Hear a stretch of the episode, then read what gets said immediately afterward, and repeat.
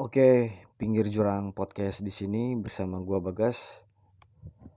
Pada kesempatan kali ini sudah banyak banget berminggu-minggu gua nggak upload podcast ini karena untuk menetapkan jadwal motor yang nggak lewat depan rumah gue itu cukup susah ya.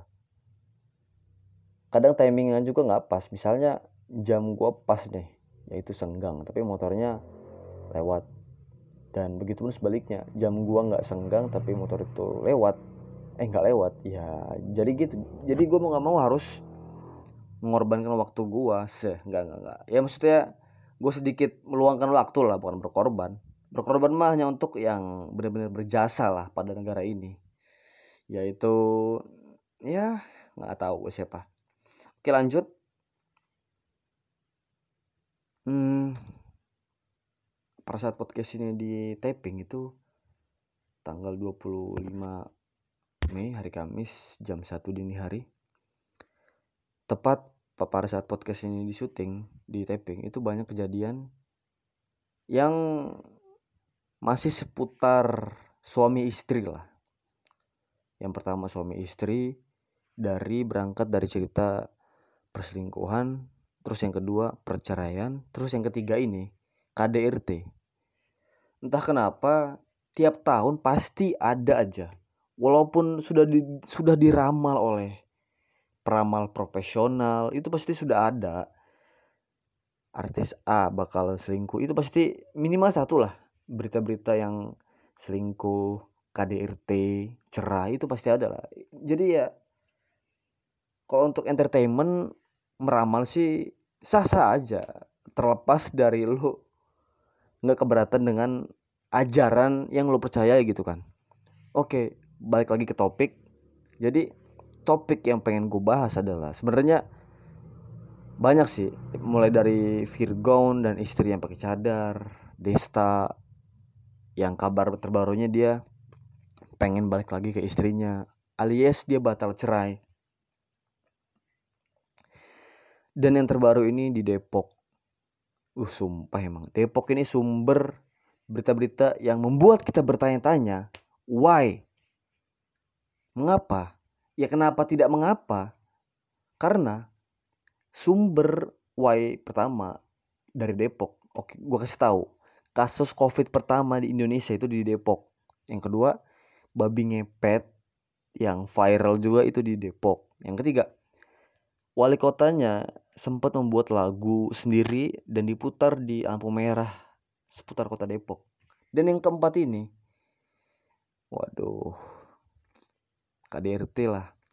Dan kabar terbarunya, nggak, kabar pertama yang gue denger saat istrinya melapor ke Polres itu istrinya ditahan dan kabar terbarunya suami istrinya ditahan. Cuman bedanya suaminya belum ditahan bukan nggak ditahan ya suaminya belum ditahan lantaran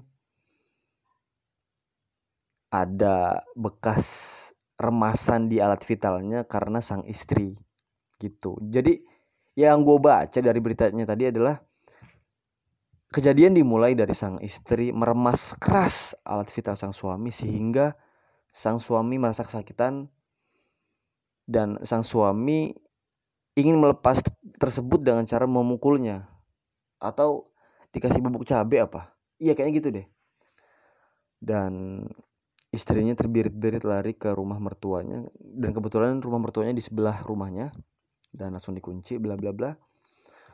Dan anehnya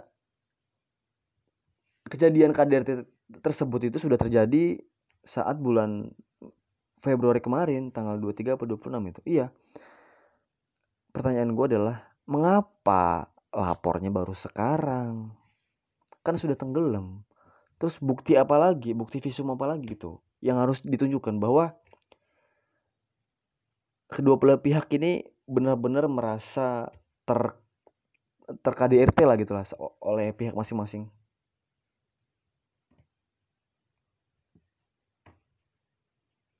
Apa yang harus dibuktikan apa harus ngeliat dulu hasil visum dari kontol suaminya? Kan nggak mungkin. Apa harus lihat lagi di matanya? Bahwa ada bekas bubuk cabai kan nggak? Jadi dari berita tersebut itu menghasilkan gua sebuah topik yaitu broken home itu bukan segalanya lah. Dan broken home itu nggak perlu dibantu nggak perlu di apa ya tapi dirangkul. Nggak perlu dikasih kata-kata kasihan dengan sebatas kata-kata ya harus di ya harus di outputnya lah. Karena coba lu lihat Gading Gisel yaitu punya anak kan dia perempuan. Apakah anaknya bahagia. Jelas bahagia lah walaupun hubungan bapak ibunya itu broken. Bukan berarti dia harus jadi anak yang broken. Enggak itu bukan bukan. Tidak harus bahkan tidak semua anak juga harus terlahir di keluarga broken. Enggak enggak. Itu itu cuman bapak ibunya aja yang broken. Kalau hubungan antar anak dan ibu anak dan bapak itu ya nggak broken sama sekali. Makanya buat lo yang merasa ya mungkin bedanya dia kaya dan anak broken home yang lainnya miskin aja sih. Cuman itu aja sih. Cuman kan intinya kan sama kan. Apalagi yang paling gambling sih memang lo harus memilih ya mana yang mana ibu mana bapak. Menurut gue bukan soal lu milih ibu karena lu lebih dekat sama ibu atau atau lu milih bapak hanya karena lu milih bapak cuma karena deket. Nggak bukan. Pertimbangannya adalah mana yang nggak lebih sering mukul di antara mereka. Terus yang kedua mana yang uang jajannya lebih besar. Yang ketiga mana yang lebih dikasih kebebasan dalam dalam apa namanya melakukan sebuah tindakan. Dalam artian bukan berarti bebas sepenuhnya. Tapi di, dikasih pilihan lah seenggaknya. Bukan langsung dilarang mentah-mentah. Dan balik lagi balik lagi ke, ke kasus yang selingkuh lah perceraian KDRT dan asumsi gua mengapa dia nggak ngelapor? Karena mungkin dia ini takut. Apa kata tetangga nanti kalau hubungan kita hubungan kami cerai apa kata tetangga? Kalau nanti suamiku di penjara gimana nafkah ist gimana nanti sekolah anakku? Gimana nanti bla bla bla.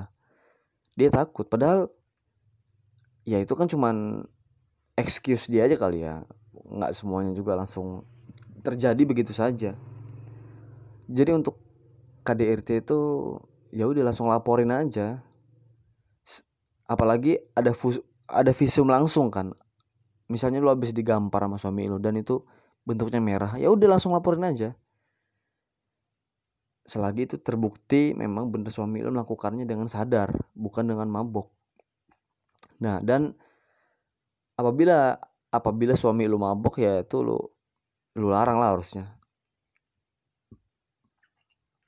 Atau uang jajannya lu sumputin atau lu kurangin. Ya segala macam lu apa pun itulah. Dan untuk yang selingkuh ini kalian nih kayaknya cukup sensitif nih mengapa standar yang dibuat oleh media itu pasti selalu orang jelek bahkan di episode sebelumnya gue pernah membela orang jelek dengan membuat podcast orang jelek tidak boleh ngapa-ngapain di situ statement gue adalah orang jelek itu harus dapat peradilan yang seadil-adilnya dalam dunia pekerjaan, dalam dunia apa pun itu. Begitupun, nah ini gua nggak, nah ini gua nggak setuju nih. Karena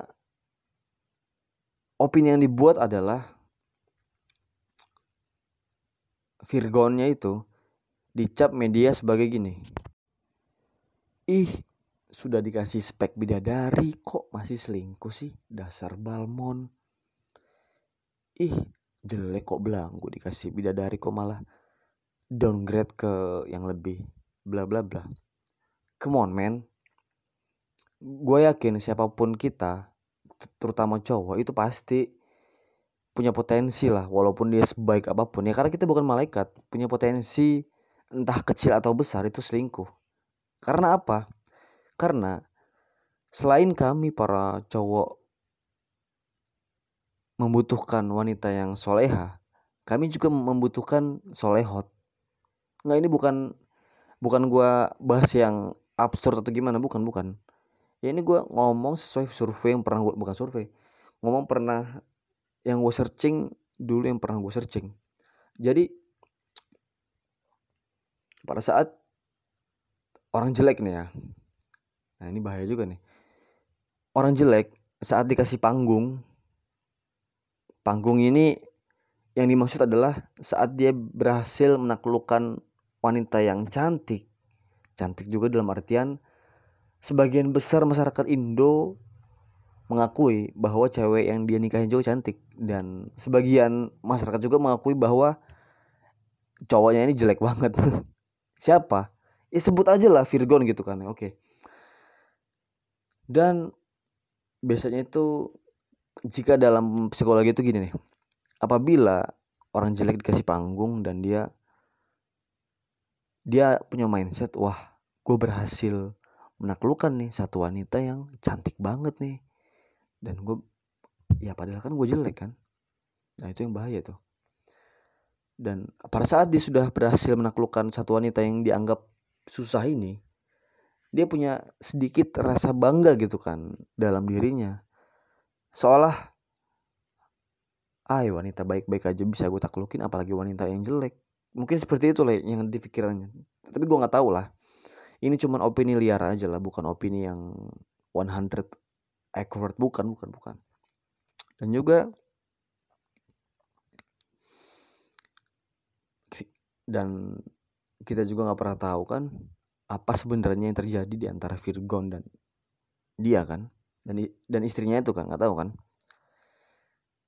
Dan yang sangat gue miss itu adalah penghujatan yang berlebihan kepada suaminya gitu loh.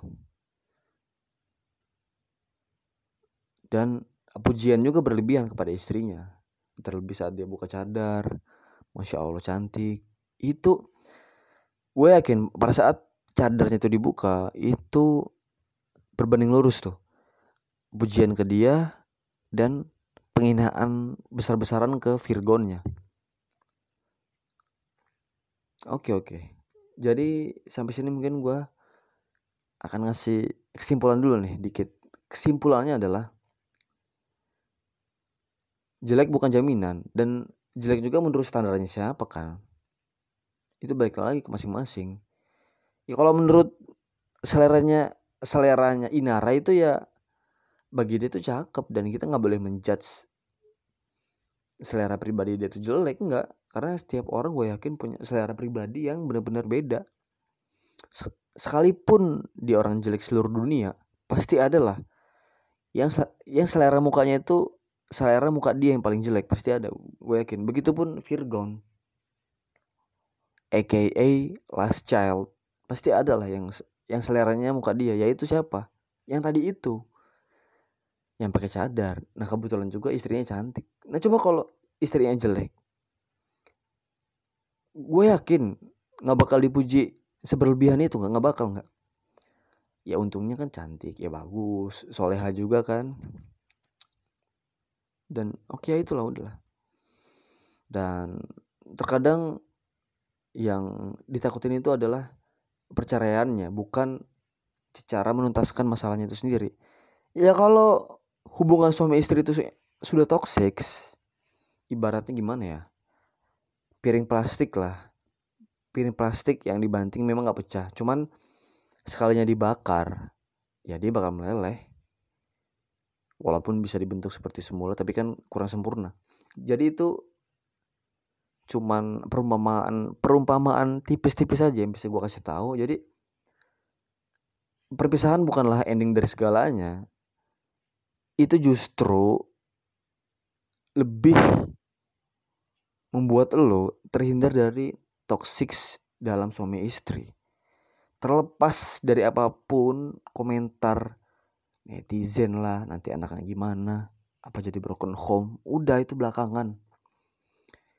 Yang penting lu nggak merasa menjadi pelayan oleh si raja. Dalam artian rajanya ini suami lu bukan berarti lu harus terima dengan lapang dada lo dipukul gitu kan di KDRT diselingkuhin dan lo merasa aduh tapi kan saya punya anak. Nanti gimana kalau cerai? Takutnya jadi broken home. Dan lo berusaha untuk mempertahankan ya itu semakin semakin buruk buat buat istri maupun suami terlebih di anaknya. Oke deh let's say dia mempertahankan gitulah sebuah hubungan yang toksik karena dia beralasan nggak mau anaknya broken home dengan lo wahai suami istri yang ribut terus apalagi di depan anak lo itu bukannya membuat mereka menjadi luka emosional mereka kan? Terlebih dia juga umurnya masih ya masih kecil gitu kan? Dua empat lima tahun enam tahun kan? Dan di umur segitu dia melihat orang tuanya gitu kan yang tiap hari cekcok walaupun belum cerai ya tiap hari. Adu mulut bahkan fisik itu udah biasa banting piring bahkan spoiler. Setelah banting piring nanti anaknya bilang ini paling habis ini habis ini paling banting gelas ini nih gelas Starbucks nih Tupperware nih. Saking seringnya hubungan di keluarga mereka itu sering toksik ya bahkan anak sampai spoiler.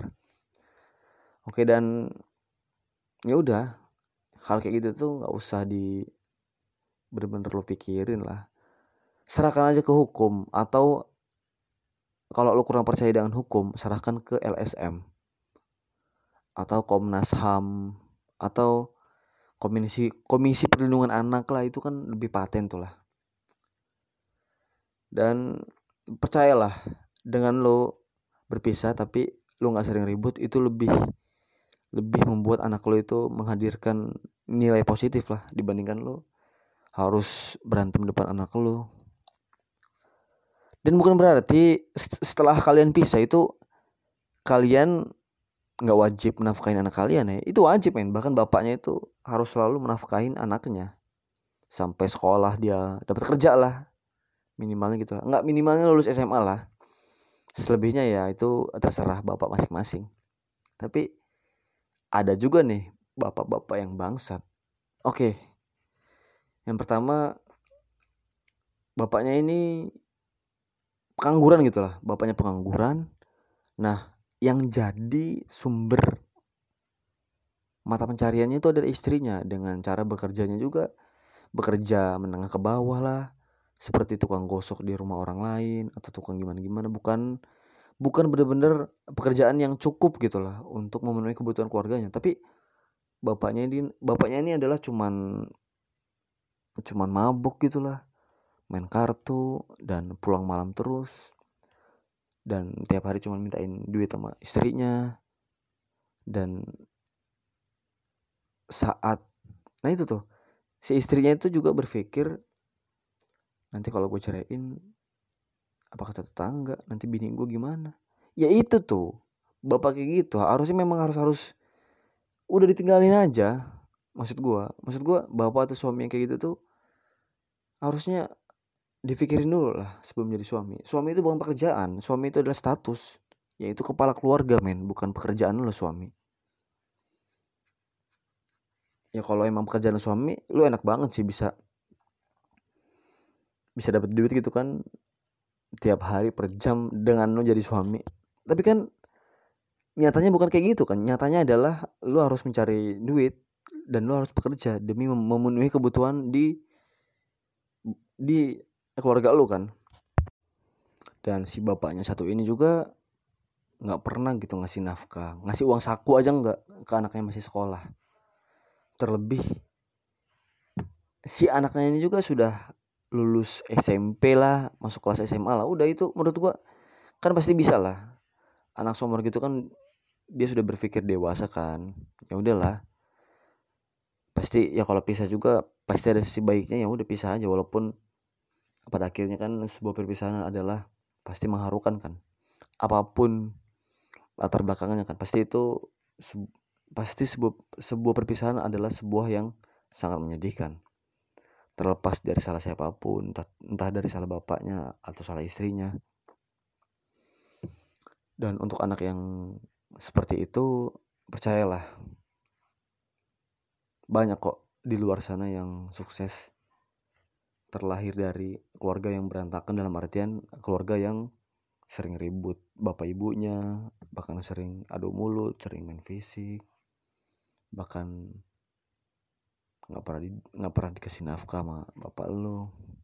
Itu deep man dan buat lo yang sudah bertahan di posisi itu gue respect buat lo yang punya mental yang kuat. Jarang men yang punya mental sekuat lo. Bahkan maafnya ngomong sebagian dari mereka itu memilih untuk mengakhiri hidupnya. Banyak ya banyak hal lah yaitu dengan cara minum racun, lompat, gantung diri lah atau bahkan self harming walaupun nggak sampai bunuh diri walaupun nggak sampai bunuh diri kan tapi kan itu kan sudah termasuk kan harming lah. Walaupun dia nggak bunuh diri. Cuman kan ya itu. Jadi kesimpulannya adalah ya udah perpisahan bukanlah akhir dari segalanya. Lu bisa tetap membangun keluarga lu walaupun lu, lu udah pisah ya. Walaupun udah pisah tapi itu adalah anak lu bukan mantan anak. Nggak ada istilahnya mantan anak. Mungkin kalau mantan istri bisa ya mantan pacar gitu lah tapi kalau mantan anak itu nggak bisa. Itu anak itu ya sampai dia mati sampai lu mati itu bakal jadi anak lu. Jadi walaupun lu cerai, pisah, itu bakal tetap jadi anak sedarah lu. Terlepas dari apa pun, terlepas dari lu nikah nantinya dengan siapa pun. Anak yang lu tinggalin karena lu pisah ini bakal tetap jadi anak kandung lu yang berhak untuk ketemu bapaknya kan. Minta duit bapaknya itu berhak lah dia.